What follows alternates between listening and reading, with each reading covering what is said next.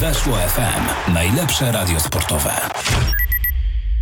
Dzień dobry, dzień dobry, witamy na antenie Weszło FM. Dziś będzie trochę o podróżach. Jakbyście byli bardzo zdziwieni słuchając tej audycji, będzie o wyprawie między innymi do Kataru i to właściwie w takim dobrym czasie, bo blisko rok przed Mistrzostwami Świata, jak się domyślacie, jak pamiętacie, w przyszłym roku w listopadzie i grudniu odbędą się Mistrzostwa Świata, w tym co najmniej nieoczywistym kraju. Tak bym powiedział, Katar będzie gospodarzem mundialu. Duży eksperyment, wielu przeciwników, natomiast y, ja tutaj do studia zaprosiłem osobę, która była, widziała na własne oczy, jak to wygląda rok przed mundialem. Filip Adamos jest moim Dzień gościem. dobry, witam serdecznie. Cześć, Filip. Cześć. E, Filip, to najpierw sobie ustalmy, jak to było. Dlaczego Katar? E, Kiedy się tam znalazłeś? Ile byłeś i, i w jakich miejscach się poruszałeś? Spodobało mi się słowo nieoczywiste, którego użyłeś, bo to jest Szukałem jakby... takiego odpowiedniego. No, no to, jest, to jest takie słowo, które mocno definiuje miejsca, w których bywam. Mhm. E, I faktycznie Katar przez to, że podjąłem decyzję o tym, żeby rozstać się z Polskim Związkiem Piłki Nożnej i z kanałem Łączy Nas Piłka i prawdopodobnie nie będzie mi dane za rok być na Mistrzostwach Świata w Katarze, no to teraz skorzystałem z okazji, że grają tam w piłkę i grali w fajny turniej Arab Cup. No i ponieważ znajomi też tam są i działają przy tym, zaprosili, skorzystałem i chciałem zobaczyć po prostu, jak to wygląda na miejscu, jak wygląda te osiem stadionów, na, którym, na których za rok będą grali najlepsi piłkarze na świecie i jak to wygląda organizacyjnie, jak to wygląda infrastrukturalnie, jak to wygląda kulturowo, co jest ciekawego, co działa, co nie działa.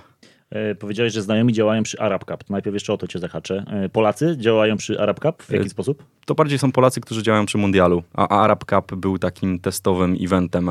Może powiedzmy słuchaczom, co to jest w ogóle ten Arab Cup. To jest turniej, w którym wystąpiło 16 reprezentacji z krajów arabskich, czyli z krajów, które posługują się językiem arabskim jako urzędowym. Tych krajów jest chyba 23 łącznie. Były tam takie małe eliminacje, których 7 nacji nie przeszło. Nie jest to jakiś cykliczny turniej, bo poprzednia edycja była chyba w 2012 roku.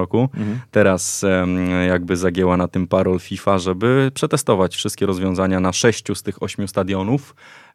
Nie, nie przetestowali na dwóch, z dwóch powodów. Pierwszy to jest Khalifa International, który jest stadionem takim wiekowym, już troszkę przetestowanym, więc wiedzą jak to wszystko działa. No i miał być też test tego stadionu finałowego, Lusail w Nowym Mieście, który, totalnie nowym, faktycznie to jest nowe miasto, które powstaje na północ od Dochy, na 200 tysięcy mieszkańców, ale tu nie zdążyli tego zbudować, co ciekawe, wobec czego grali tylko na sześciu, tylko i aż, bo naprawdę wrażenia kosmiczne z tych stadionów. Jesteś e, na razie spokojny o to, że ten mundial, po tym co zobaczyłeś, że ten mundial e, organizacyjnie będzie dopięty na ostatni guzik? Nie. Nie, w ogóle e, jakby ten wrażenia z tego wyjazdu są ambiwalentne. Ja tak, tak lubię słowo ambiwalencja po tym, po tym wyjeździe, bo z jednej strony masz coś takiego, że, że to jest wszystko wow, bo tam ma być wow, tam ma być spektakularnie, ten kraj, to wszystko ma robić wrażenie na przyjezdnych i faktycznie robi. Tylko mm, im bardziej się przyglądasz, tym bardziej myślisz o tym, ale po co to tu? Po co na pustyni takie coś zbudowaliście? Przecież to nie będzie potrzebne za chwilkę. Za chwilę. Będzie przez miesiąc potrzebne, a później? No, właśnie o to chodzi. Niby mają plany, żeby zmniejszać te stadiony, żeby je prze, przerzucać do Afryki. Tutaj mm, jestem póki co jeszcze pracownikiem PZPN, więc mogę powiedzieć tylko pomidor, ale mam takie lekkie wątpliwości, czy to rzeczywiście się stanie. Z drugiej strony, no czemu nie? No, jest to jakieś za tym wszystkim idea i, i naprawdę robi to wrażenie. Em, czy się uda? Nie mają Arabowie za bardzo doświadczenia w organizacji takich wielkich imprez. E, To jest tak, że w tamtej, tamtej części e, świata nigdy tak wielkiego takiego. turnieju nie było. E, Zrobili Mistrzostwa Świata w piłce ręcznej niedawno, no ale no, trudno porównywać te dwa. Eventy, zupełnie inna skala. E, Zobaczyłem teraz w trakcie tego turnieju, byłem tam łącznie na siedmiu meczach, na sześciu stadionach, na jednym byłem dwa razy w ciągu pięciu dni, e, więc intensywnie. To jest na pewno duży plus tego turnieju rozgrywanego w jednym mieście, tak naprawdę. No, teoretycznie to jest pięć jednostek administracyjnych, pięć miast, ale tak naprawdę wszystko jest osiągalne w ciągu 40-50 minut metrem. Okej. Najdal- od najdalszego, od najdalszych To jest krańców? 30 parę kilometrów, tak Okej. naprawdę. Ten ostatni dzień taki był, gdy pierwszy mecz y, tego dnia o godzinie 18 był na stadionie Al Janub, który jest w miejscowości Al Wakra na, pół, na południu Kataru. I później był mecz na stadionie znów Kosmos Al Bayt, czyli tym namiocie takim Mhm. typ, typowym. Katar grał wtedy e, z Irakiem. No i to w godzinę przejechałem metrem e, plus jakimś shuttlebusem, który jest na miejscu, więc ogromny plus tego, tego pomysłu, tego eventu jest taki, że można kilka meczów zahaczyć jednego dnia, co jest niemożliwe na innych turniejach. Dokładnie. Nawet z perspektywy dziennikarza. Zawsze musiałeś sobie Wybierać. wybierać, Mhm. bo wiedziałeś, że jak będziesz tu, to prawdopodobnie w dzień poprzedni i dzień następny też nie zdążysz dojechać. Mhm. Tutaj nie ma problemu, bo możesz nawet jednego dnia być w paru miejscach, e, więc, e, więc to jest duży plus. Jeżeli chodzi o minusy, no to ten brak doświadczenia widać. E, Brak doświadczenia i taki czynnik kulturowy, który mówi tam, że nawet mówili to ludzie, którzy pracują przy tym i będą prac- pracować przy mundialu za rok, który nie pozwala podważać zdania przełożonego. Jakby w tamtych krajach jest tak, że jeżeli przełożony mówi, że tak jest, Mhm. To tak się robi i nikt tego nie podważa. Czyli na zasadzie rozkazu bardziej, a nie polecenia. Mm, Tak, ale nawet nie musi tego w formie rozkazu przedstawiać, tylko każdy po prostu tam wie, że on jest wyżej w hierarchii, w strukturze, więc po prostu tak robimy. A w momencie, kiedy tam nagle przyjeżdża duża grupa pracowników, na przykład z Polski, którzy mają duże doświadczenia w organizacji tego typu imprez, czy to w 2012, czy 2017, czy 2019 roku, no to ci Polacy zaczynają mówić, że to można by zrobić lepiej. E, I to nie jest mile widziane od razu. E, Raczej i tak jest mm, tak, jak chce szef e, miejscowy, a ten szef nie do końca umie, wie. Stąd zmiany decyzji bardzo częste, stąd wiele różnych takich dość absurdalnych rozwiązań, e, które, które tam funkcjonują w tym momencie. No ale mają jeszcze rok po to, żeby to dopracować. Myślę też, że FIFA specjalnie zostawiła Katarowi ten turniej do organizacji jak najbardziej, w jak największym stopniu, żeby zobaczyć, że trzeba wkroczyć bardziej I, i żeby też organizatorzy katarczycy, którzy sami dali w to mnóstwo, wtopili w to mnóstwo, mnóstwo kasy, albo powiedzmy zainwestowali w to mnóstwo kasy, żeby sami się przekonali, że bez pomocy z zewnątrz będzie im ciężko to zrobić. Mhm. No, Katar wzbudza kontrowersje, to jest jasne. E, Nie tylko ze względu na to, że to jest kraj nieoczywisty, jeżeli chodzi o piłkę nożną, ale wiemy, że przy budowie tych stadionów giną ludzie, to, jest, y, to nie jest tajemnica ale to już wiemy, to jest niemal oficjalne. Mm, Czy ty się w ogóle spotkałeś na miejscu z jakimiś, nie wiem, protestami, albo czy, czy widać w ogóle coś takiego, że jest napięta atmosfera? Czy to raczej jest tak szybciutko zamiatane pod dywan i, i absolutnie jako turysta nie jesteś w stanie czegoś zarejestrować? Ja mam troszkę tak, że jak widzę jakiś emocjonalny przekaz, to próbuję go zweryfikować na miejscu i no, krążyło w naszych mediach, te, krążyły te liczby. 6 tysięcy ludzi zginęło na stadionach przy budowie mundialu. I od razu miałem takie w głowie wątpliwość, czy rzeczywiście. I też nie, nie trzeba daleko sięgać, bo już w tym artykule Guardiana z lutego e, jest napisane, że 6,5 tysiąca ludzi zginęło, ok, ale przez 10 lat obcokrajowców z pięciu krajów świata na jakiekolwiek przyczyny, y, pracując przy jakichkolwiek rzeczach. Na stadionach zginęło, w tym artykule jest napisane 37 osób. E, jakby, i, ale tylko, że to się tak już nie niesie, prawda? No 6 tysięcy brzmi lepiej niż 30. Zdecydowanie, to, zdecydowanie tak. No, może, może słowo lepiej, Lepiej, jest... no wiadomo w jakim sensie ja tego używam. Tak, to jest- oczywiście zaznaczmy, zawsze śmierć każdej osoby jest y, rzeczą Oczywiście. przykrą i absolutnie nie można powiedzieć, że to nie jest problem, bo ka ka każda śmierć jest smutna. No ale samo nawet wielkie BBC się odbiło od tematu takiego właśnie, że musieli przepraszać oficjalnie architektkę irańską, która była odpowiedzialna za ten stadion, którym wspomniałem, Al Janub, e, bo powiedzieli na antenie, że na, tym, na budowie tego stadionu zginęło 1200 osób. Mhm. A to E, nieprawda. A ona zadzwoniła, że nie, nie zginął nikt. I faktycznie nie zginął nikt. Te 1200 osób, oni się później przyznali na swojej stronie internetowej i w audycji, że te 1200 osób no to zmarło na bardzo, różne, z bardzo różnych przyczyn przez kilka lat w Katarze po prostu. I to nie, nie byli nawet pracownicy z tego stadionu, ale ktoś po prostu złapał nagłówek i, i poszło, poszło dalej. Te 6,5 tysiąca osób, jak wspomniałem, no to jest łączna liczba y, ludzi, którzy przez 10 lat, od 2010 do 2019, pochodzących z takich krajów jak właśnie Nepal, Pakistan, Bangladesz, Indie i Sri Lanka, y, zmarli z jakiegokolwiek powodu. Y, W Katarze, tam na w. Katarze, po prostu obcokrajowcy. Musimy pamiętać o tym, że 94% siły roboczej Kataru to są obcokrajowcy. Tam praktycznie nie ma miejscowych. Tam jest dwa i- 2,5 miliona przybyszy z różnych e, branż, z różnych, e, z różnych e, powodów tak naprawdę.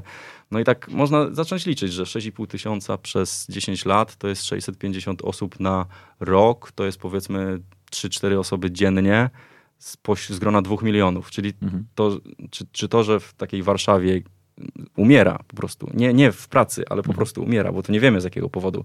3-4 osoby dziennie, czy to jest tak rzeczywiście szokujące? No, według mnie, no tak niestety jest i nic z tym nie zrobimy. Trudne są te warunki tam pracy, bo miałem okazję właśnie sobie pospacerować po tym e, nowym mieście Luzail, gdzie powstaje ten piękny, złoty, a skromny stadion finałowy. E, no, nie, piękny jest tak naprawdę. I On naprawdę jest złoty? Tam są złote elementy? Nie, no, ale wygląda jak złoty. On, mia, on ma nawiązywać sam w sobie do takiego arabskiego naczynia, w którym oni trzymają daktyle, owoce i tak dalej, i tak dalej.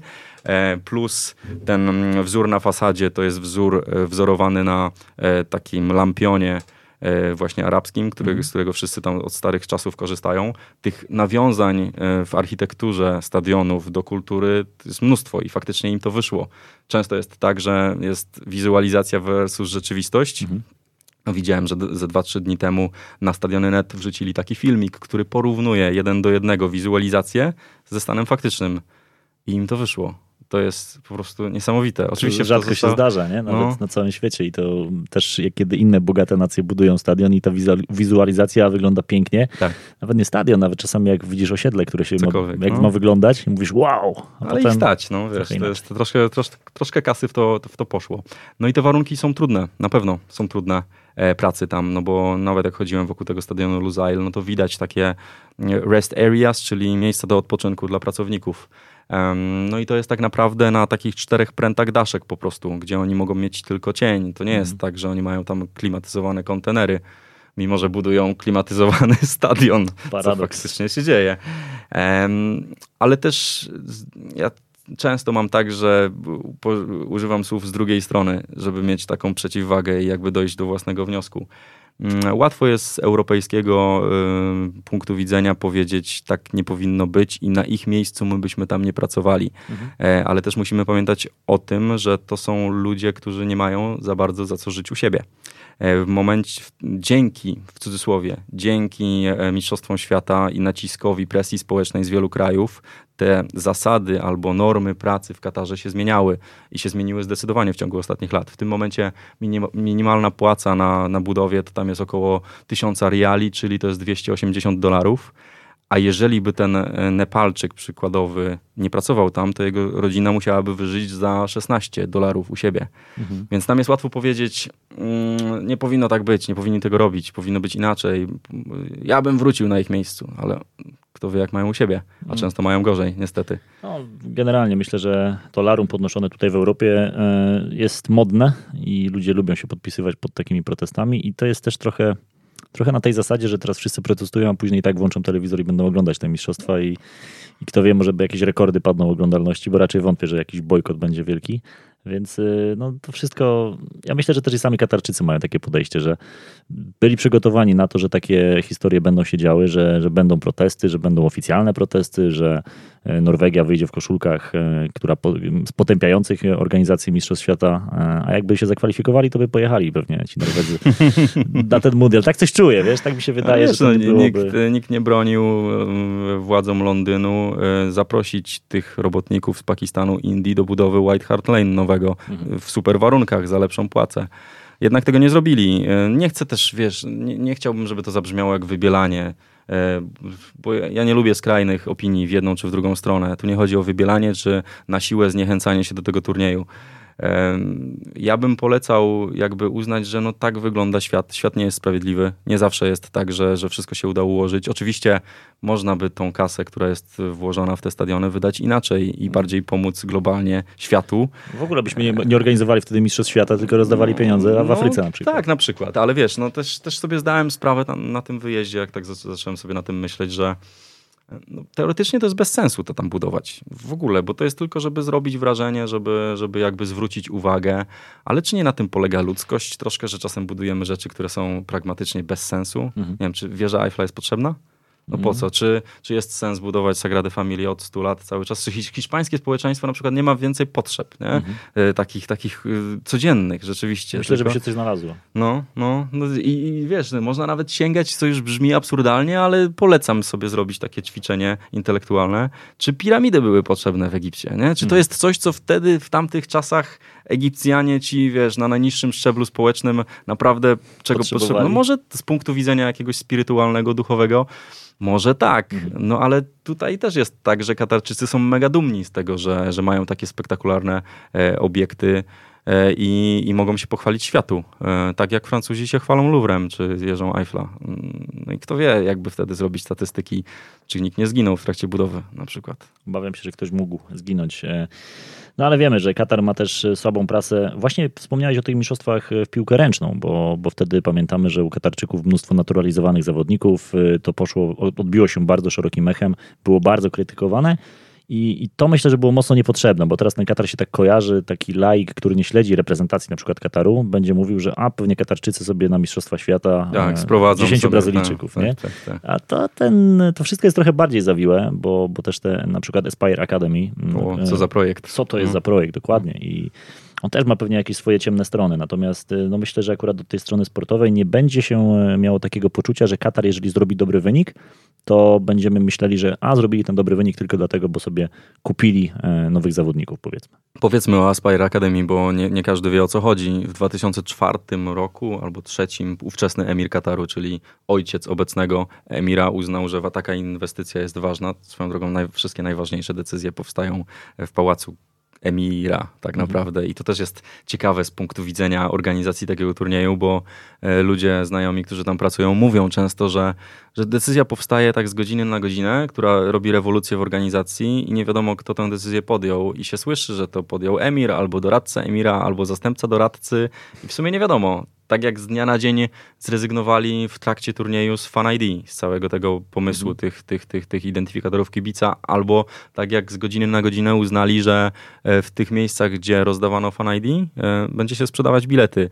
I tam się wszyscy łapią za głowę, ale jak? Przecież nie mamy kas, nie mamy czytników, kart magnetycznych, czegokolwiek. No ale ktoś zdecydował i róbcie mhm. na tej zasadzie. E, wracając do Aspire Academy.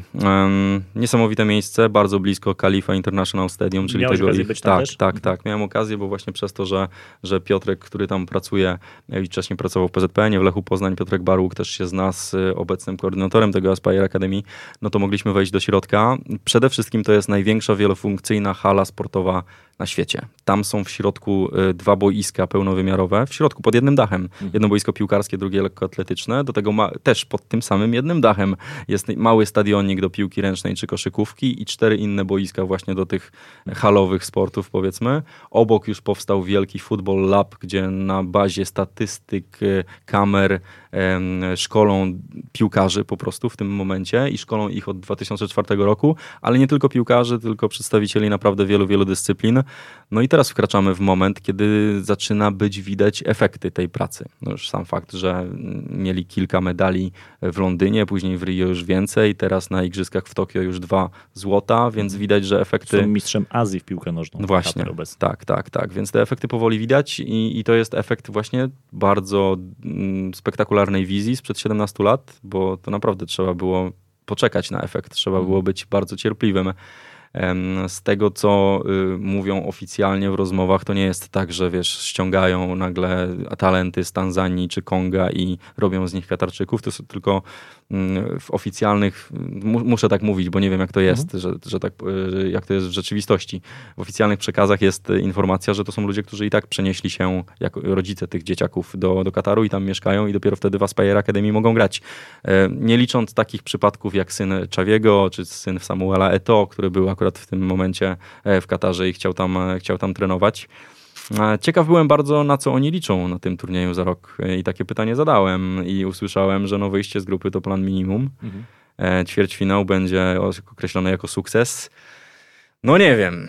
Wiesz, no teraz mieliśmy porównanie w ostatnich dwóch latach, no bo Katar grał jako ten wirtualny szósty, szósta drużyna z jednej z grup eliminacji europejskich, tej mhm. z Portugalią, Serbią, Irlandią, Azerbejdżanem, E, i, i, i, Luksemburgiem.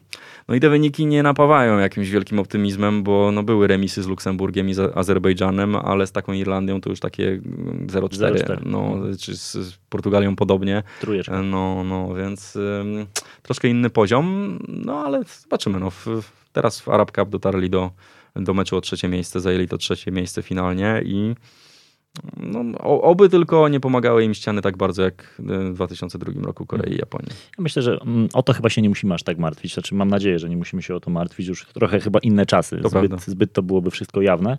E, ja też nie uważam, żeby, żeby Katar wygrał Mistrzostwo Świata. Myślę, że medalu nie zdobędą na tym turnieju, ale to na to można sobie spojrzeć, jak radziły sobie inne zespoły, które były mistrzami Azji w poprzednich latach na Mistrzostwach Świata takie zespoły jak Australia, jak Japonia, Korea, no to jak sobie myślimy o tych zespołach, to raczej myślimy właśnie na tej zasadzie, że jak wyjdą z grupy, no to już jest sukces. To już jest sukces. Tutaj dochodzi jeszcze aspekt, że są gospodarzem, no to wyjście z grupy już jest sukces dla kogoś, kto nie jest gospodarzem, więc dokładamy. No to ten ćwierćfinał, ja też bym tak to odczytywał, że to będzie chyba taki wynik, który zadowoli Katarczyków. Świat doceni wtedy też cały Katar.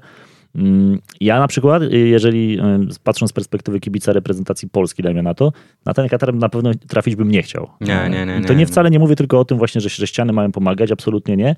Myślę, że to będzie po prostu niewygodny rywal, po prostu pod względem sportowym. Tak, y, i ściany będą niosły, tym bardziej, że jakby ściany wyglądają inaczej niż na europejskich albo zachodnich stadionach. Po prostu tam wygląda to wszystko. No, masz coś takiego, że łapiesz się na tym, że to, e, że, że są ci faceci w tych arabskich strojach, że są e, kobiety w hijabach na stadionie, to od razu mm, jakby powoduje, że zaczynasz się nad tym zastanawiać, wygląda to po prostu inaczej. Oni też zupełnie inaczej reagują na to, jak przebiega mecz. No, zaryzykuję stwierdzenie, że jeszcze do końca nie rozumieją o co chodzi, no bo ja tam zwróciłem uwagę, że oprócz goli największy aplauz wzbudzały wyłapane do środkowania przez bramkarza. Mm -hmm. No bo to jest spektakularne, nie myślałem o tym wcześniej, że faktycznie leci piłka, a on tak wyskakuje nad wszystkimi i, i wyłapuje piłkę i wtedy wielki aplauz, nie? E, no nie do końca to jeszcze kumają. A to ale... wiesz co, to wejdę ci słowo, to przypomina mi się e, mundial w Stanach Zjednoczonych. Jak Amerykanie robili w 94 mundial, to tam też oni już totalnie tego nie kumali. To przychodzili Amerykanie, którzy nie pamiętali tam lat 70., 80., gdzie ta piłka de facto istniała. Potem w Stanach miałeś kilkanaście lat, kiedy nie było ligi w ogóle. Więc to pokolenie, które, się, które w tym 94 było, e, zapełniało te stadiony, no to rzeczywiście nawet nie miało na czym się za bardzo wzorować. I, I, oni też się bardzo na przykład, y, nawet jak ktoś wyrzucił piłkę daleko z autu, to się bardzo y, podniecali, nie? bo to było takie trochę, trochę związane z, z koszykówką, nie? no bo daleki wyrzut, coś, coś w ten, w stylu. No i tak, i to zaskoczenie, że ale jak to wpadł gol i to już nie będzie więcej, ja byłem po hot doga teraz w tym momencie. Dlaczego? Ale to jest, my się śmiejemy z tego i tak było, ale no jednak Amerykanie tej piłki już się nauczyli i dzisiaj mówimy o, o silnej lidze amerykańskiej, gdzie Polacy chcą jeździć Polacy potem grają w reprezentacji Polski i z tej ligi da się trafić do Europy. Ja nie wiem, czy Katar pójdzie taką drogą, bo liga katarska jest jakby no w totalnych e, powijakach. Mm, na te mecze mało ludzi przychodzi. Natomiast może to jest właśnie taki bodziec, który sprawi, że i w Katarze e, zaczną w piłkę nożną, zaczną uczyć się tej piłki nożnej. No już ma, już się mówi o tym, że zaraz będzie ogłoszony Puchar Narodów Afryki, który się odbędzie prawdopodobnie tam, bo Kamerun ze względów covidowych nie jest na to gotowy, a faktycznie takie ściągnięcie, że łatwiej jest ściągnąć kilkanaście krajów do, do jednego miejsca, do jednego miasta tak naprawdę, nawet przechodząc wszystkie obostrzenia, niż, niż z różnych rejonów y, do Kamerunu, gdzie jakby i finansowo, i, i infrastrukturalnie jest to wszystko troszkę trudniejsze. Mm, no ciekaw jestem. Możliwe, że tak teraz powstała idea te, tej łączonej Ligi Narodów troszkę ze strefą Ameryki mhm. Południowej. Ja się nie zdziwię, jeżeli finał tejże będzie w Katarze właśnie, no bo jakoś te stadiony będą chcieli wykorzystywać. Już myślę, że bardzo szybko, być może już w tym okienku zimowym po mundialu, europejskie kluby będą tam jeździć na przygotowania zimowe, bo faktycznie bazy treningowe tam robią wrażenie. Hotele może nie do końca, bo to, bo to są jednak te wielkie wieżowce w środku miasta, mhm. wśród betonów, ale boiska treningowe, wow, naprawdę jakość muraw i na boiskach stadionowych i na boiskach treningowych. E, te kompleksy się składają z sześciu, siedmiu boisk. Każdy z nich naprawdę robią wrażenie i kto wie, czy za jakiś czas to nie będzie taka destynacja właśnie dla, dla Europy, e, czy nawet dla Polski. No mhm. teraz polskie chyba 17 klubów czytałem na Twitterze jedzie do, do Turcji w tym roku. Wszyscy naraz i grają tam ze sobą. Mhm. Tak, oprócz, oprócz Legii, która leci do Dubaju. A, a Dubaj to jest nawet dalej niż, niż Katar. No. no tak, niż, niż Katar, ale już niedaleko od nas Kataru. tak, tak, tak. No i od nas wyzwaniem może być koszt lotu dla takiego jednego Mhm. klubu, ale jak się cztery kluby skrzykną i wynajmą charter, to już się to wcale nie robi takie drogie. Mhm. E, Nawet ostatnio byłem w zeszłym tygodniu w środę na meczu Rakowa w Częstochowie i pytał mnie o to Michał Świerczewski, właściciel klubu, jak tam w tym Katarze i mu powiedziałem, że to jest bardzo ciekawa idea, może nie na teraz, bo już macie zabukowane, ale może za rok albo za dwa. A Michał sam powiedział, że kurczę, ciężko, bo sparring partnerów cię- ciężko będzie znaleźć, ale to się będzie, to się będzie rozwijać na pewno. Na pewno coraz więcej klubów będzie latać do Kataru. No, myślę, że zwłaszcza już po Mistrzostwach Świata, e, więc y, no, ta infrastruktura może się zdecydowanie przydać. Mm, Cały czas ten negatywny odbiór tego, tego mundialu w Katarze jest. Jakie jeszcze dostrzegasz e, powody tego? Bo, bo jak się myśli o mundialu w Katarze, to raczej jak zapytasz 100 osób, to 90 powie, że nie, to jest złe miejsce. Nie wiem, no wydaje mi ja, ja zaczynam do tego podchodzić na zasadzie takiej, że no nie mamy na to wpływu, to tam będzie i mamy dwa wyjścia. Albo sobie obrzydzać i mówić, że to jest fatalne i w ogóle będzie bez sensu, albo uznać, że no trudno, y, być, mo być może. No prawdopodobnie było wiele mało zgodnych z prawem działań, które sprawiły, tak że y, tak, nieścisłości, że to się dzieje w Katarze, a nie nigdzie indziej. Z drugiej strony, czy to nie jest tak, że co 4 lata jest parę y, nie Otóż do to. końca zgodnych z prawem działań? Czy, to, czy jesteśmy pewni, że Euro 2012 w Polsce było rzeczywiście wszystko czysto? Ja mam wrażenie, że my chcemy tak myśleć bardzo. Chcemy tak myśleć, Że my tak, po prostu tak. jako Polacy zasłużyliśmy na organizację tego turnieju. Koniec, kropka i dalej już tam Wiesz, nic. no, a też by się nie można zastanawiać nad tym, czy to były racjonalne wydatki, czy rzeczywiście potrzebujemy 40-tysięcznego stadionu w Gdańsku, czy w Poznaniu. Ja ci mówię, że wystarczy- nie, to ja ci nie, nie, musi- nie musi się na tym zastanawiać. Ja ci mówię wprost, że nie. Ja- I pokazują to liczby na- na stadionach. No właśnie, i tak sobie też myślę, że kurczę, a może bardziej racjonalny jest wydatek Kataru tego typu, bo ich na to stać. Mhm. E, A, a nas nie, nie wiem, nie wiem, czy naprawdę bardzo lubię stadion w Tychach. Bardzo, jest super. Tylko Mhm. Byłem, cały, jeszcze się nigdy nie zapełnił. No, I pytanie, czy wydatek 130 baniek w Tychach Aha. jest bardziej racjonalny niż wydanie e, troszkę więcej baniek w Katarze, gdzie mają te więcej ich baniek. stać, tak. tak, tak. nie jest dla nich taki No wydatek. więc no, też mam troszkę takie podejście, że raczej szukam pozytywów i wydaje mi się, że ten turniej ma bardzo duży potencjał z jednego powodu, właśnie tego, że to się wszystko dzieje w jednym mieście. Byłem w 2018 roku w Moskwie i Moskwa była takim hubem, gdzie wszyscy się zbierali. Tam były dwa stadiony, na których toczyły się mecze mistrzostw i to, co się działo w centrum, na Placu Czerwonym, ten kolorowy tłum z różnych krajów, od Kolumbii przez Meksyk, Arabię, Arabii Saudyjskiej nie było, ale Brazylię, Anglików, hi- Koreańczyków i tak dalej, i tak dalej, to było przeciekawe wyzwaniem i myślę, że dużym problemem pod kątem e, Kataru bę- będzie to, że niewiele kogo będzie stać, żeby tam polecieć, niestety. Bardzo jest duży problem z noclegami. Już teraz z miejscami noclegowymi już się mówi o tym, że mogą takie, em, takie pokoje w hotelach kosztować od 3000 zł za noc. Wow. No, to jest dużo, to jest dużo. Em, wiem o tym, że jedna z federacji nawet wspomniała o czymś takim, z federacji, które uczestniczą w tym turnieju, że tydzień w Katarze będzie ich kosztować tyle, ile cały pobyt w Rosji. wow. E, no i to są koszty duże i nie wiem, czy każdy sobie na to pozwoli. Poza tym no, nie do końca można tam pić alkohol, więc nie wiem, czy ktoś to się na to skusi. Słyszałem, że czasami są takie momenty, kiedy y, nie widać, że pijesz alkohol i wtedy możesz, na przykład schowasz się gdzieś tam pod... E, to jest ciekawe, może nie każdy sobie z tego zdaje sprawę. No oczywiście Katar jako kraj arabski e, jest to przez islam zabronione, żeby alkohol spożywać i sprzedawać. Jedyna opcja dla turystów, bo dla Katarczyków to w ogóle nie ma tematu, ale dla turystów jest taka, żeby wypić w hotelowym barze za odpowiednią cenę oczywiście. To nie jest tak, że, że piwo kosztuje 14 zł za, za, za pół litra, tylko bardziej 70 powiedzmy w przeliczeniu. E, albo jest jeden taki duży sklep z alkoholem, do którego się musisz zapisać na konkretną godzinę i wtedy możesz pojechać i kupić to, co chcesz. E, ale żeby to zrobić, musisz mieć takie Qatar ID, czyli miejscowy numer PESEL, więc musisz być tam zatrudniony albo być obywatelem tego kraju.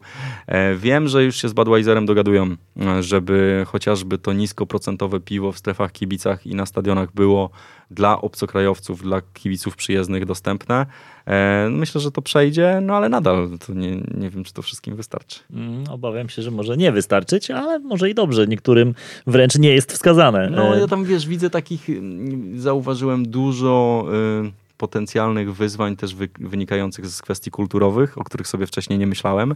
No bo masz stewardów na tych stadionach, prawda? Mhm. Tych, którzy odpowiadają za to, żeby wszystko było w miarę ok organizacyjnie. To nie są ochroniarze, tylko stewardzi. Mm, tylko problem, problem tam jest taki, że tymi stewardami tam są Pakistańczycy, Hindusi, Bengalowie, Nepalczycy, którzy na co dzień tym Katarczykom w abajach y, otwierają drzwi do galerii, są mhm. totalnie na najniższym poziomie struktury społecznej.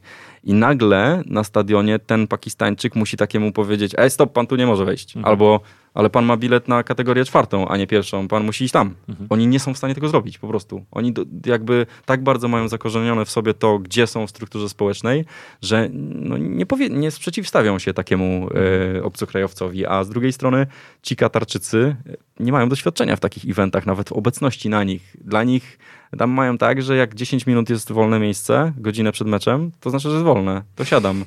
A co tam, że przyjdzie zaraz gość, który ma to na bilecie napisane? A miałeś taką sytuację na tych meczach, jak znaczy, no, Plus jest taki, że nie było tłumów. Nie było tłumów. Tak. Chociaż i tak nie było źle. Już w końcowej fazie, no to finał oglądało 60 tysięcy ludzi na, na Albight. E, były mecze 30-tysięczne, takie jak Egipt, Algeria, e, ale były też takie, na przykład pierwszy, na którym byłem, właśnie Irak-Bahrain, gdzie na wielkim stadionie na 40 tysięcy ludzi Al-Tumama było półtora tysiąca osób, mhm. co też pokaz- jakby pozwala zobaczyć ten stadion od środka na spokojnie, przejść się dookoła i popatrzeć na takie rzeczy, których się zwykle, zwykle nie zobaczy. Piękny stadion Altumama swoją drogą. On jest, jeżeli chodzi o, o fasadę, on jest w miejscowości Al Rayyan, nie, on jest w Dosze, w Al Ryan są dwa inne. On jest w Dosze, e, on przy, przypomina z założenia z, e, z zewnątrz E, jeżeli ktoś nas słucha, jest przy kąpie, to warto sobie googlać te mhm. stadiony, żeby sobie to unaocznić.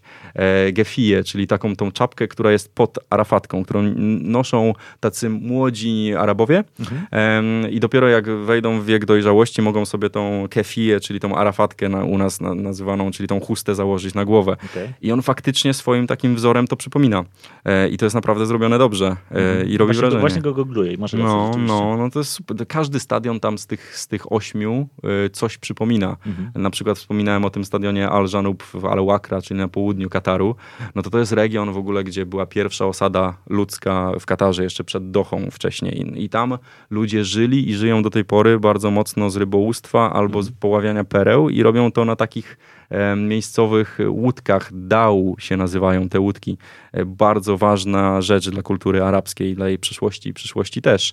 No i ten stadion Al Janub e, przypomina i faktycznie przypomina odwróconą do góry nogami łódkę, łódkę. Mhm. bo, bo te, te, łódki tak właśnie sobie na plażach czekają i schną w momencie, kiedy rybacy e, ich nie mogą, e, ich nie używają. No i to, to, jest, to jest mega. No a już Albayt powiedziałem, no beduiński namiot postawili. Wiesz, mhm. widziałem to wcześniej w zapowiedziach, widziałem na wizualizacjach, ale uznałem, no nie, no to będzie kicz, nie? Ale nie, zajeżdżasz i widzisz już z daleka Beduini, czyli tacy nomadowie mhm. arabscy, którzy wędrowali przez pustynię, zmieniali miejsca zamieszkania i mieszkali właśnie w takich, takich tego typu namiotach, rozpalając ogień zawsze przed, przed, przed wejściem. Mhm. No jedziesz wielką autostradą i widzisz z daleka ten wielki namiot i ogniska palone z jednej i z drugiej strony, ogromne. No i, i, to jest chyba jedyny na świecie stadion zbudowany na bazie kwadratu. Nie jest prostokątny, bo to wynika z tego, że ta konstrukcja stadionu w środku jest po prostu przykryta takim namiotem zbudowanym dookoła. No i robi to wrażenie. Gigantyczne, naprawdę. Nie. Na, na tobie na który stadion najbardziej no ten, ten, ten, ten, ten, bo jakby spodziewa... nie miałem wysokich oczekiwań. Spodziewałem się, tak jak wspomniałem, kiczu, tandety, tandety ale nie, nie, to mają rozmach wiesz kto. Katarczycy. nie, kolejny, nie masz Education City Stadium, to jest w ogóle w takiej e, strefie mm, edukacyjnej, takiej strefie opartej na innowacji, tam jest duże miasteczko uniwersyteckie, tam są jakieś laby, laboratoria e, wynalazców i tak dalej, i tak. Ten stadion e, ma przypominać troszkę diament, czyli ma być wytrzymały i takiej świetnej jakości. To jest super, jak się go ogląda przy zachodzie słońca, mhm. bo się odbija po prostu słońce w, różny, w różnych kolorach od tej e, elewacji z zewnątrz. No i też to robi wrażenie, naprawdę. O, o Luzail wspomniałem. No i ostatni, który na mnie jako miłośniku jakby sztuki postindustrialnej zrobił największe wrażenie, no to stadion Ras Abu Abud, albo teraz już 974 tak. Stadium się nazywa. E, czyli ten z kontenerów zbudowany mhm. i on faktycznie jest zbudowany z kontenerów. Ja oczywiście mam lekki, lekki dystans do tej takiej PR-owej historii, że on zostanie rozebrany i zostanie no już ładna, ładna wizualizacja w internecie, jak te, te, kontenery tak się zbierają tutaj i tak przelatują do Afryki i budują takie mniejsze stadioniki. No, mam wątpliwości, czy to się rzeczywiście stanie, ale historia jest piękna. mówią o tym, że zmienili nazwę dlatego, że 974 to jest numer kierunkowy do Kataru, plus dokładnie z takiej liczby kontenerów został zbudowany stadion. No, no wiemy, że nikt tego nie policzy, tak. ale historia jest bardzo, mm, bardzo ciekawa. Oni tam w ogóle przy budowie stadionów i przy całym tym projekcie uwielbiają angielskie słowo sustainability, czyli mm. taka zrównoważony rozwój, mm -hmm. ekologia i tak dalej. I często mówią o tym właśnie, że my będziemy po turnieju zmniejszać liczebność miejsc na tych stadionach. Większość z nich będzie, ma, ma być, ma być w połowie rozbierana. Tak jak miała być rozebrana dwie trybuny w Jekaterinburgu, kojarzysz te takie Wiem, Chyba ich nie, rozbra- no nie, stoją. rozebrali. No bo to wiesz, to też jest koszt. To jest straszny koszt. Więc pewnie tu się stanie podobnie, ale nikt już nie będzie o tym pamiętał. Mhm. Co jakiś czas przez cykl medialny przejdzie e, historia taka, że to się nie stało, tak jak przechodzi stadion w Manaus, czy no stadion olimpijski w Atenach i później nikt już o tym nie będzie, e, nie będzie pamiętał. No ale to tak właśnie z jednej strony ta ekologia, o której mówią, a z drugiej strony faktycznie na każdym stadionie pod nogami masz nawiew, masz mhm. klimę. Po prostu jest zimno w nogi, bo generalnie te, te, te, te, te klimatyzatory mogą obniżyć e, temperaturę wewnątrz stadionu o 20 stopni nawet. Wow. No i wtedy sobie myślisz, no i gdzie ta ekologia? Przecież to Aha. żre tyle energii, że Oczywiście. daj spokój. Gdzie ta y, ekologia, jak widzisz podlewane trawniki tutaj, mhm. wiesz, piękne, zielone, no to nie może być, wiesz, naturalne. No więc to takie wszystko jest ambiwalentne mocno. A ile miałeś stopni, jak byłeś w Katarze? Około 20 stopni. Było ok. No, A, były okay. momenty, także ten okres listopadowo-grudniowy jest naprawdę optymalny, jeżeli chodzi mhm. o rozgrywanie tego turnieju. Bez szans, żeby to grać w czerwcu. To już w ogóle zapomnij. Za dużo, wiesz, nawet przy tej, nawet z tą klimatyzacją. To jest ok, no ale później wychodzisz z tego stadionu, stadionu tak. musisz dojść do metra i to są dość duże odległości. Śmieszna historia a propos tego dochodzenia do metra czy do shuttlebusa jest taka, że ja mam w ogóle tam wrażenie, że, że oni tam za dużo ludzi zatrudniają przy tych turniejach, przy, mm. tych, przy organizacji albo przy budowach. Y, nie wiem, czy za dużo. Może to ma jakiś taki społeczny sens, że lepiej zatrudnić 10 osób i im zapłacić 10 osobom stówkę niż jednej tysiąc, bo mm. wtedy zmieniasz życie 10, 10 osobom, osobom, a nie jednej bardzo. Mm. No i kończy się takimi absurdami, że na budowie mm, czterech chłopów zwija jeden kabel. Jeden mhm. go ściąga, drugi go podaje następnemu, trzeci robi z tego polskie, bu polskie budowy, polskie, polskie drogi, takie mam wrażenie. No, Jak zawsze jest budowa drogi, to no. zawsze jest dziesięciu kierowników, jeden co coś ewentualnie. Ja, ja miałem mega szok na tym pierwszym meczu właśnie na Altumama stadionie. skończył się mecz, y, wyszedłem troszkę wcześniej, bo jechałem na kolejny mecz na, na Education City właśnie i chciałem dość szybko iść na autobus. Mm, sprawdziłem sobie jak dojechać, ale tam mi pani mówi, że nie, nie, nie, tutaj lepiej shuttlebusem do metra, tutaj chwilka, pytam się daleko tam, no nie, tutaj blisko, w lewo, w prawo już jesteś przy shuttlebusach. Okazało się, że blisko tam dla nich to jest 4 km, mhm. bo normalnie jeżdżą samochodem. No ale to jest no, mega ciekawe, bo nie wiem, byłeś w Dubaju na przykład? Nie. nie byłeś jeszcze. No to jak, jak się wejdzie w Dubaju do takiej rezydentalnej strefy, czyli mieszkalnej, gdzie są typowe domy, mhm. no to one są otoczone takimi murami raczej, oni się dość mocno odcinają. Więc wyszedłem na taką bardzo długą drogę, bardzo szeroką, tak ciągnącą się przez 3 km, z murem z jednej i z drugiej strony, także no nie dało się iść ani w prawo i w lewo, wiesz gdzie mm. iść, ale i tak co 15 metrów stoi gość, który ci pokazuje straight, stronę. straight, forward, forward, tylko po to, gdzie mhm. masz iść. Nie? Dobra robota. Że, że jak wyszedłem z metra pod tym stadionem 974, czyli tym kontenerowym, no to wychodzisz z metra i widzisz go tam na końcu. Widzisz, świeci się, wiesz, masz jedną drogę, ale i tak co 15 metrów machają ci tymi takimi łapkami. I, ktoś wiesz, bierze no. to pieniądze i ktoś jest zatrudniony. No, no. może to ma sens z może drugiej strony, sens. jakimś takim, nie wiem, nie wiem, może lepiej jak jest 10 średnio zamożnych niż jeden bogaty, a 9 totalnych żebraków, nie? Mm. Nie wiem, nie wiem, trudno mi to oceniać jakby tak, mam cały czas takie mieszane uczucia na ten temat, czy to A. jest rzeczywiście wszystko takie tylko złe. Rozmawiałeś właśnie z Katarczykami, jak oni odbierają te głosy krytyki? Gdzieś udało ci się kogoś tak znaczy, widziałem, widziałem oświadczenia, widziałem, rozmawiałem z ludźmi, którzy są za, z, zaangażowani w to z naszej strony e, organizacyjnej, z Polski. E, no i zwracają na to uwagę, że faktycznie mm, źle zostały zinterpretowane te artykuły, bo one krzyczą jako nagłówki mm. po mhm. prostu. Plus, y, no to się zdarza, ale na jednym ze stadionów na przykład faktycznie zmarły dwie osoby. E, Nowozelandczyk i Pakistańczyk. Nowozelandczyk dlatego, że się nie przypiął będąc na wysokości po mhm. prostu, a Pakistańczyk dlatego, bo zasnął w cieniu za kołem samochodu i ten mhm. samochód ruszył. E, niestety, no zdarzają się takie rzeczy, takie, takie rzeczy się dzieją. A to, to są rzeczy, które jakby nie są związane z tym, że te warunki pracy ich były jakieś katastrofalne. No jeżeli gość spadł z wysokości, to równie dobrze mógłby spaść z, wiesz, no tutaj budując jakiś No i pewnie tacy niestety, się znów, niestety się zdarzają. Mhm. Zacząłem tu drążyć ten temat dużo mocniej, ale też nie dlatego znów, żeby wybielić Katar, tylko żeby mieć szerszy ogląd na to mhm. wszystko. No i no, chociażby Międzynarodowa Organizacja Pracy, czyli agencja ONZ, podaje takie statystyki. No ja, ja wiem, że można powątpiewać w statystyki orga, Komitetu no, Organizacyjnego Katarskiego, że dobra, mogą ściemniać, mhm. no ale już ustalmy, że no ONZ chyba nie ma w tym żadnego interesu. No i w zeszłym roku w wypadkach związanych bezpośrednio z pracą zginęło w Katarze ogólnie 50 osób. Y, nie wiem, czy dużo, czy mało. No, ogólnie, bardzo mi ale przykro. Nie, tylko ze stadion, nie, nie, nie, nie ogólnie. nie, pracując niezależnie w jakiej branży. Tam w mhm. ogóle y, jedna trzecia pracowników y, migrantów i tak nie pracuje w przybudowach, nie pracuje przy construction sites, tylko no, to wiesz, w te statystyki też się wbijają wszyscy biznesmeni, którzy tam jeżdżą, mieszkają, mm. pracują w tych wielkich, e, wielkich biurowcach i no i też niestety tak się dzieje, że, że umierają, a, a widziałem statystykę właśnie tej agencji ONZ, która mówi o tym, że wskaźnik śmierci to się nazywa occupational death, czyli śmierć w trakcie pracy albo przy mhm. okazji pracy. No to w Katarze to jest 1,7 ten wskaźnik, a na przykład w Egipcie 10,7.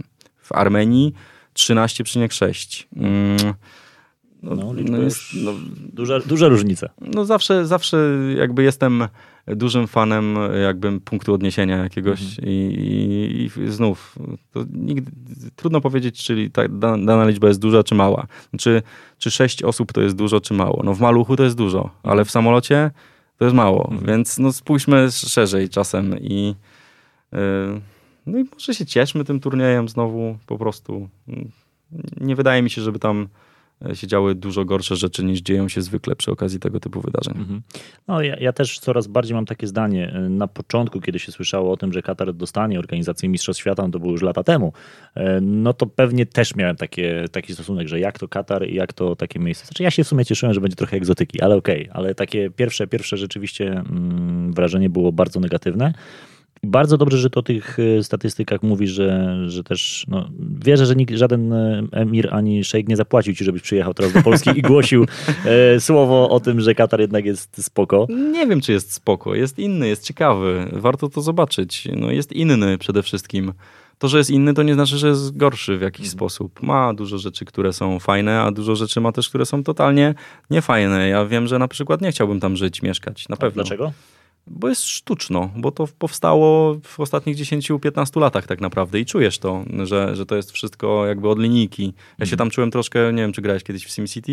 Mm-hmm, Była taka gra i to wygląda dokładnie tak. Wszystko jest zaplanowane, ułożone znów, y, to jest chyba najczęściej powtarzane słowo dzisiaj, sformułowanie. Z drugiej strony, mhm. no, kiedy, czemu nie mieliby tak nie zrobić? No, była tam pustynia i zaczęli to budować. Mhm. Czemu mają nie planować, tylko no, nie mieli swojej tradycji budowania osady miejskiej od setek lat, czy od tysięcy lat, więc, y, więc budują to z głową. Wygląda to sztucznie.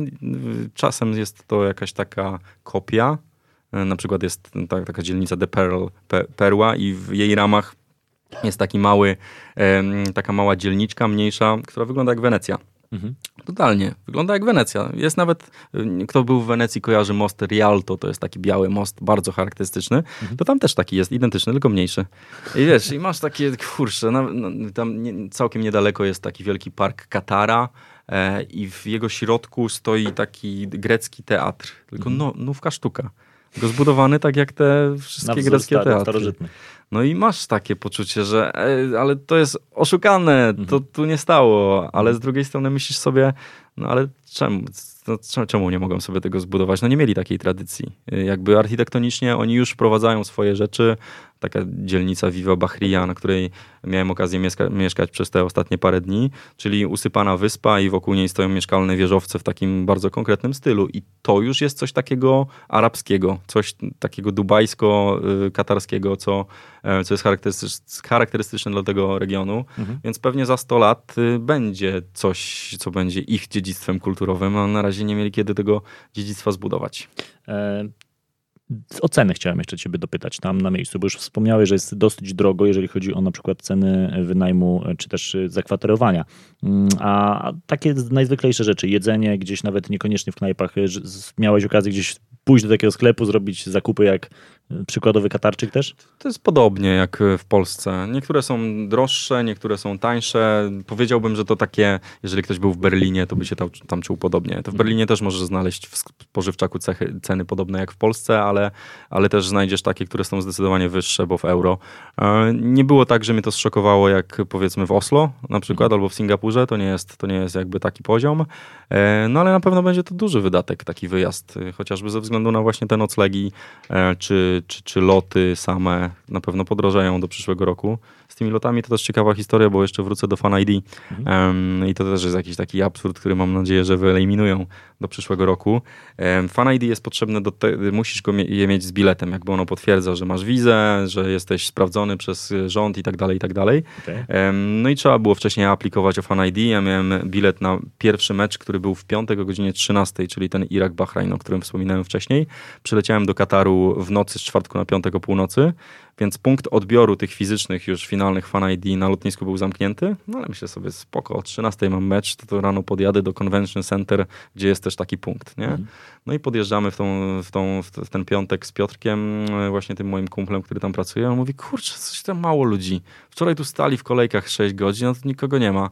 I on tak myśli, piątek, a piątek tam jest taką niedzielą typowo. To jest najważniejszy dzień dla muzułmanów, jeżeli chodzi o modlitwę, szczególnie e, okres od rana do 14 godziny. Oni wręcz wtedy nie powinni pracować, wobec czego punkt odbioru Fan ID był od 14. Aha. Ale patrzę, ale ja mam mecz od 13. Nie wejdę na niego bez Fan ID. I oni tam wszyscy tak, no faktycznie. jest to jakiś swego rodzaju problem. Troszkę. E, I gdyby nie to, że właśnie tam znamy ludzi, którzy są w lokalnym komitecie organizacyjnym i dali mi jakiś tam in blanco fan ID, to wszedłem na ten mecz. Tak, to byś nie wszedł. Ale wyobrażam sobie Anglika, który jedzie przez pół świata i ma o 13 mecz Anglia-Peru na w przykład w piątek i ląduje tym samolotem, co ja. Też powiedzmy leciał przez Stambuł. Mhm. E, no i idzie pod to fan ID i widzi, że jest o 14, a on ma o 13 mecz. No nie niemożliwe. Mhm. No ale to też po to jest chyba ten turniej, żeby oni się paru rzeczy nauczyli i, i miejmy nadzieję, że będzie to wyglądać organizacyjnie troszkę lepiej. No tak, myślę, że ten Arab Cup bardzo im pomoże. No kiedyś FIFA organizowała e, turniej e, Puchar Konfederacji. Puchar Konfederacji. On był takim sprawdzianem. No teraz wiemy, że od tego się odeszło, e, ale no jak widać da się to wszystko też i i zaplanować inaczej. To rozumiem, na Mistrzostwa Świata się nie wybierasz już tak prywatnie. Nie, nie, nie. Myślę, że zobaczyłem to, co chciałem i będę. Nawet te ostatnie mecze Arab Cup dla mnie się śledzi już zupełnie inaczej, bo to tak jakby zabrzmiało jak Podlasia dla mnie. dla mnie się podoba. dla mnie się podoba. Dla mnie się podoba. Trzy lata powie... mieszkałem w Białymstoku, ja już na to nie zwracam uwagi, ja jestem powiedziałem, wyrozumiały. Powiedziałem dla siebie, że, że, że to jest ciekawe właśnie widzieć te stadiony teraz, jak one wyglądają w rzeczywistości, wiem mm. gdzie jest, gdzie... Ja generalnie lubię wiele rzeczy doświadczać samemu i wiedzieć na miejscu jak jest i wyrobić swoje zdanie, bardziej niż korzystać z tego, co inni podpowiadają i jako kibic na pewno nie. Troszkę się mi tak minimalnie budził, jak tak siedzieliśmy przy piwku w tym polskim gronie. Nie, że przy piwku, wiesz, w pubie, tylko w hotelu Intercontinental, w pubie mhm. Champions, gdzie można było takie piwo kupić. E, no ale siedzieliśmy i oni mówili o takich wyzwaniach codziennych właśnie przy organizacji eventu i taki się duch eventowca włączy i co. A może by tak na sam turniej tu popracować, przyjechać i to by było ciekawe. Mhm. Ale jeszcze nie wiem, nie wiem. Zobaczę, jak, jak mi się zacznie moja, e, mój pomysł na na kolejny rok i czy będę chciał właśnie na dwa miesiące ten pomysł przerwać, mhm. czy, czy nie. Będziemy decydować później. Ja zdradzę. E, Filip ma plany, których już mu bardzo mocno zazdroszczę. E, Filip się wybiera, proszę Państwa, w podróż dookoła świata. E, rok będzie zwiedzał świat. Jakby rozumiecie, jest czego zazdrościć, możecie go teraz znienawidzić w tym momencie. Albo powiedzieć, o, pewnie ma bogatych rodziców e, i tak dalej. No, oczywiście, że tak. No, banan, typowy banan. Natomiast e, ja bym chciał w ogóle z tobą pogadać, trochę czasu nam pewnie już nie starczy, e, ale to tak pokrótce, jakbyś mógł powiedzieć, jakie to są plany, co, co się wydarzy w ciągu najbliższego roku w Nie, no życiu. wiesz, no, nie ma planów i to jest najfajniejsze w tym wszystkim. Wczoraj kupiłem bilet do pierwszego punktu, który będzie w Mombasie, Kenii no i ruszamy dalej stamtąd, ruszamy. Ruszam sam, bo to też jest jakby ważny aspekt mm. tego, tego wyjazdu, Totalnie że, pojedynkę. że jestem odpowiedzialny tylko za siebie i sam sobie decyduję, co chcę robić do danego Nie dnia. masz żadnego ziomka w Mombasie też. Nie mam ziomka w Mombasie. Będą na pewno bliżsi lub dalsi znajomi dołączać w trakcie tej rocznej podróży na tydzień, dwa. Nie każdy może sobie pozwolić na to, żeby rzucić robotę. E, ja poczułem w pracy, że to jest ten moment, że chciałbym zrobić coś innego. Nie miałem za bardzo pomysłu jeszcze, nie czułem, co to może być, mhm. a zwykle wcześniej miałem tak, że wiedziałem, co chcę dalej. Ale też y, ten pomysł wyjazdu na rok dookoła świata zawsze z tyłu głowy siedział. Y, nie lubię słowa marzenia, ale bardziej cel. Mhm. Był to taki cel i teraz jestem w takiej sytuacji w życiu, że mogę go zrealizować y, i to robię. Mm, ruszam z Kenii, tak pewnie ze 3-4 miesiące na kontynent. Najpierw to będzie Afryka, później no zdecyduję, jak już dojadę powiedzmy do RPA, czy Botswany, czy Namibii, czy, czy dalej w prawo, czy w lewo, czy, czy Ameryka Południowa, czy, czy Azja. Oczywiście kwestie covidowe też tu mają znaczenie mm. i mhm. będę to na pewno śledził. Będą wpływać na tę, e, na tę podróż mocno, ale ja znów bardziej patrzę na pozytywny aspekt tego, bo jest wszędzie pusto i tanio jednocześnie. Mm. E, więc to jest duży plus tego wszystkiego. Chociaż z drugiej strony też bym wolał Bangkok, Bangkok zobaczyć rozkręcony. Żeby nie był to Bangkok, że sobie chodzę sam po tej głównej ulicy Sutter Street chyba się nazywa i są, wiesz, zasłonięte roletami mm. te wszystkie miejsca, które no tętnią tak. życiem. Więc prawdopodobnie Azja zostanie na koniec, e, a tutaj będziemy sobie patrzeć na, e, na codzienność tych miejscach, bo też nie jest tak, że ja mam jakieś bardzo konkretne punkty turystyczne lub nie, które chcę koniecznie zobaczyć. Ja chcę zobaczyć, jak się żyje. E, w tych miejscach. E, pewnie piłka będzie się tam przejawiać raz czy drugi, bo mam takie szczęście jakieś dziwne, albo może piłka jest wszędzie po prostu, że na takie miejsca trafiam. Że po trochu i no, jedno i drugie. No i pewnie y, zachęcam do zajrzenia na mojego Instagrama, gdzie oprócz zdjęć pojawiają się takie różne ciekawostki związane z danym miejscem e, i będę to na pewno publikował z ciekawości, bo taką zajawkę mam. E, nie sądzę, żebym prowadził jakiegoś vloga czy bloga, czy, czy jakby robił coś, co będzie mi w trakcie tego roku troszkę czasu zabierać. Zobaczymy, może coś po powstanie, ale na razie nie czuję tego. To nie jest cel, mhm. absolutnie. Cel jest taki, żeby zobaczyć, jak się żyje tu i tam. Podoba e... mi się to podejście. E, to zapytam cię, ale to jest dla mnie oczywista odpowiedź. Nie masz żadnej liczby krajów, jakich chcesz nie, zobaczyć, zaliczyć? Nie, nie chcę, nie chcę. Tak sobie rzuciłem 360 dni, 360 stopni, 36 urodziny były niedawno, więc tu się tak, ta liczba troszkę kroi, ale jak to będzie 5 dni, czy tydzień, czy dwa w tą, czy w tą, to się nic nie stanie absolutnie. Ma to być takie symboliczne przejechanie dookoła. Mhm. E, na pewno. Warstwa symboliczna w życiu jest dość ważna, jakby nie patrzeć, więc to będzie jakiś takiej realizacja tego celu. E, ale nie, nie. I też, też chcę troszkę zwolnić, bo zwykle te moje podróże są takie bardzo dynamiczne, intensywne. Mm. Dużo chcę zawsze zobaczyć. Po tym Katarze jeszcze podjechałem na 3,5 dnia do Jordanii, która jest też no, mega krajem, kto mm. tylko ma szansę. Kurczę, ludzie, bilety kosztują 8 euro z Poznania czy z Warszawy teraz. Można lecieć. Bezpośrednio, bezpośrednio do Ammanu, nie ma problemu. No i miałem tam 3,5 dnia i troszkę było tak niestety, że okej, okay, dobra, to żeby zdążyć, to muszę teraz ruszyć jutro o 6 rano z Ammanu do Petry. Mm. Później o 16 jest kolejny autobus na bardziej na południe, do Wadi Ram i stamtąd tam mam parę godzin. Wszystko przepraszam, tak troszkę z wywieszonym jęzorem mhm. i takie miałem takie poczucie, że kurczę, niech się już zacznie ten mój roczny wyjazd, to będę mógł sobie powiedzieć, no dobra, to to pojutrze. No serio, tu jest fajnie, to posiedzę chwilę. E, tego mi troszkę brakuje. Mm, no, ale, no, ale to teraz tak będzie. No i, no i to jest wbrew pozorom mało czasu, taki rok. Jak, mhm. jak się nad tym zastanowisz, 3 czy 4 miesiące w Afryce. No kurczę, to jest kontynent prawie trzy razy większy od Europy. Od Europy oczywiście. W trzy, w trzy miesiące Polskę ciężko zjeździć, mm. tak żeby zobaczyć wszystko. Więc będę musiał sam sobie jakby przetłumaczyć, że okej, okay, tu widziałem już sporo w tym danym regionie, potraktujmy to jako przedstawiciela stylu życia tutaj mm. i poziomu życia. Przeskakujemy dalej, nie? Przeskakuję dalej i, i patrzę, patrzę, co się dzieje tam. Zobaczymy na bieżąco się będzie decydować, co, co robię dalej. E, co by się nie wydarzyło, Filip, mega szacun i tak, że się tego podejmujesz, bo to trzeba też trochę mieć jednak odwagi i, i takiego samozaparcia. I no ja, masz, masz we mnie fana, będę kibicował tutaj. Bardzo mi miło. Cię zazdrościł, też nie ukrywam, e, ale tak to pozytywnie, bo, bo to jest myślę marzenie wielu osób pewnie w tym moje. E, Filip, bardzo Ci dziękuję za przyjście do studia i opowiedzenie. To kiedy ta podróż się zaczyna? 1 stycznia o godzinie 8.30 samolot z Warszawy do Mombasy. Tak. Ależ to jest jeszcze To jest numerologia, w ogóle ale symbolika. przypadek, nie? Wczoraj sprawdziłem, bo miałem sobie właśnie lecieć przez tam, szukałem przez Dohę, przez Madryt, różnych lotów i w końcu tak już, e, dobra, już zdecydowałem, że lecę Katarem przez, przez Dohę i dobra, sprawdzę te czartery, no pewnie nic nie ma. No i wszedłem na jednego z dostawców czarterów i patrzę, no kosztuje 1190 zł bezpośredni Mhm. stąd do Mombasy. Okej.